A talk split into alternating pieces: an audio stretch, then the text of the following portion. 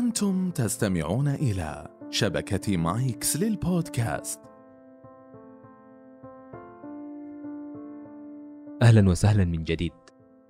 بعد انقطاع وغيبة أنا محمد عبد الرحمن أستغل ازدحام الناس وتشابه ملامحي مع الكثيرين للتردد على الأماكن باستمرار دون أن يلحظني أحد. أزور المقاهي وأمشط الشوارع وأستغل المواصلات العامة فأصطاد عن دون قصد أفكارا ما من حديث عابر أو تصرف عفوي لتكون عناوين وموضوعات أتشاركها معكم في بودكاست أزرق.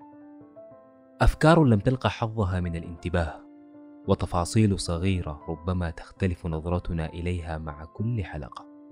كل ذلك كان إلهامه اليوميات المتكررة ومصادفات العشوائية. المهم والمهم جدا للأمانة أنه ربما تستمع لحلقة ذات مرة وتكون أنت صاحب الفكرة في الأساس.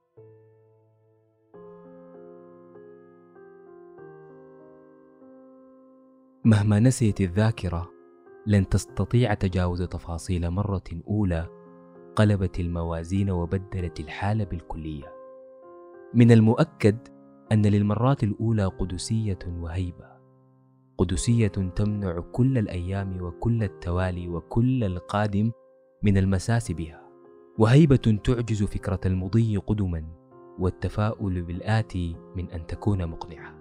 فتش معي داخلك. عن نشوة الإحساس الأول ورائحة المرة الأولى التي لا تزال تعتق الكثير من ذاكرتك.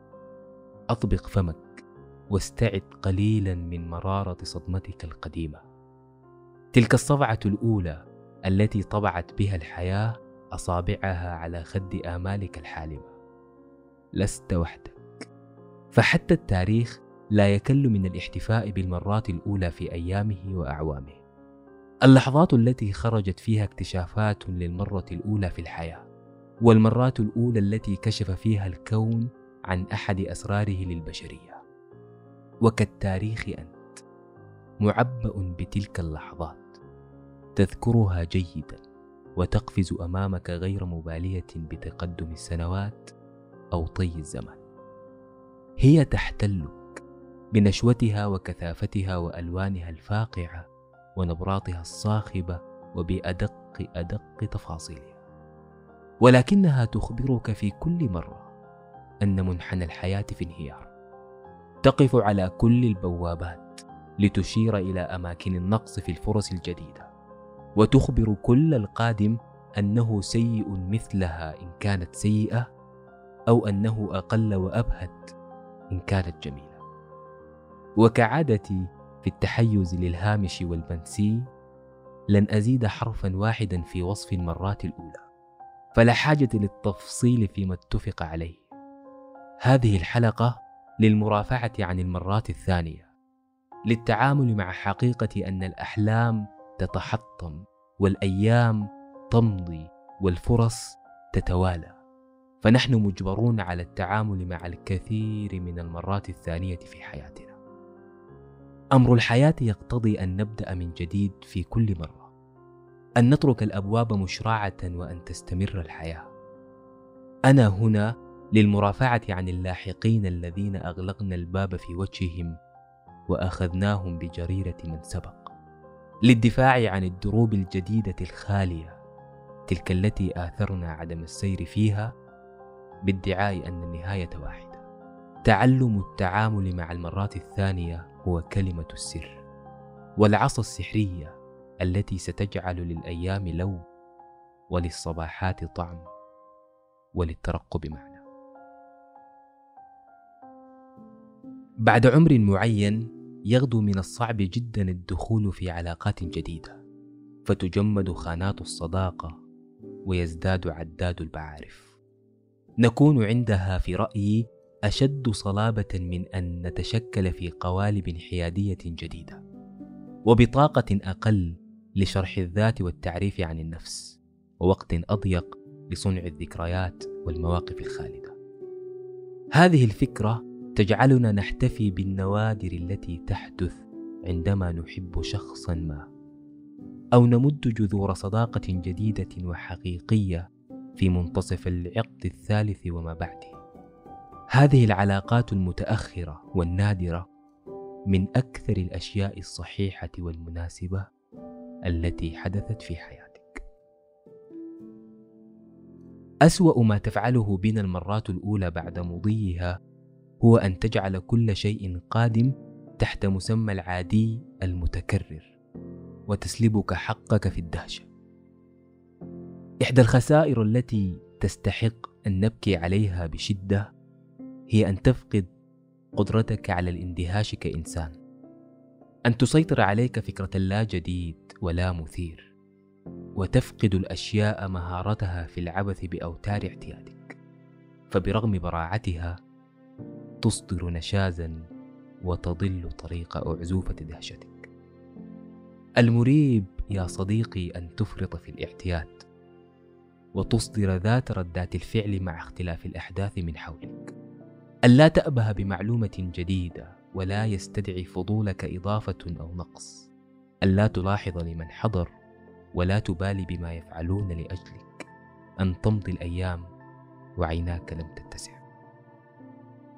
وإن تناسينا دهشتك بما حولك يبقى الأمر وما لا ينسى أن تفقد دهشتك بذاتك وأنت تتغير يوما بعد يوم. فترى نفسك تهوي ولا ناقوس خطر يقرأ أو ترى نفسك تعلو ولا ضجيج تصفيق يرتفع. أدرك أن حلاوة الأحداث تضيع وسط مرارات الحياة. بذات الطريقة التي تمنح بها حبيبات سكر صغيرة نفسها لكوب قهوة محترق البن فيأبى إلا أن يكون مرا ولكن يبقى السر في عمق تذوقك. امضغ الأشياء متانيا واغرق اللحظات بلعاب التأمل. حتما سيأتيك ملمح بعيد لجديد وخيط ضوء رفيع من تغيير يكسر ظلمات الرتابة. جرب طرقات جديدة عند العودة للمنزل. وتعرف على قطط تلك الأزقة. غير عبارات الترحيب المعتادة لديك. اصنع من نفسك غريبا وتطفل على أماكن لا تنتمي إليها.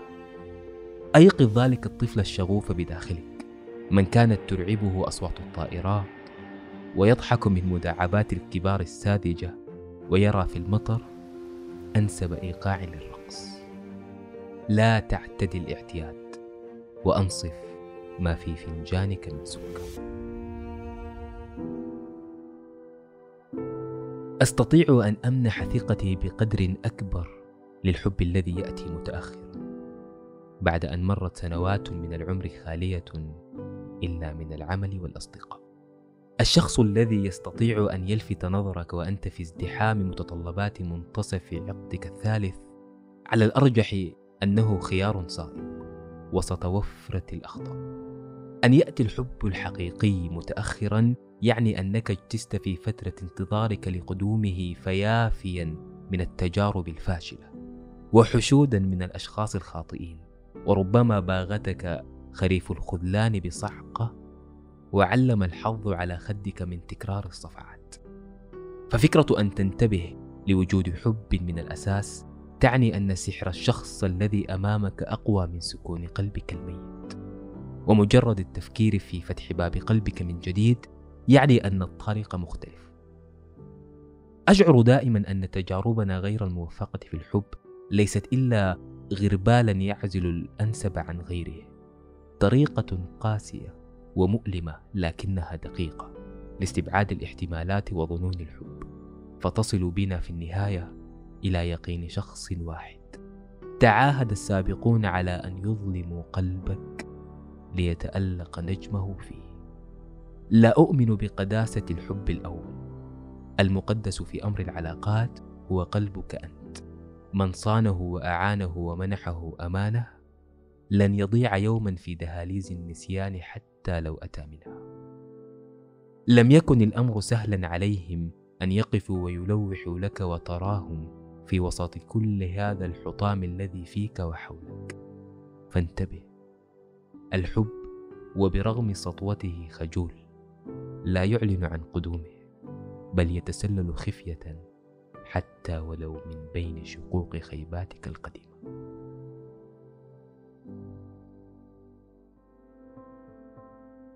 مرة تلو الأخرى تعلم النهوض من جديد. صوغ كل الفلسفات لتقنع نفسك أن الحياة لا تتوقف عند أحد والقصة لا تنتهي عند تجربة. تعلم تحويل ما حسبته خط نهاية إلى محطة وما خلته غاية الرحلة إلى عثرة ستصلح المسير. وعلى كل حال لا تتوقف عن خوض المرات الثانية. وصلت حلقتنا إلى نهايتها. شارك الحلقة مع من تظن أنها ستروق لها. أتتكم حلقة أزرق بكل حب من استوديوهات مايكس في الرياض. نلتقي مجددا في حلقات وموضوعات جديدة.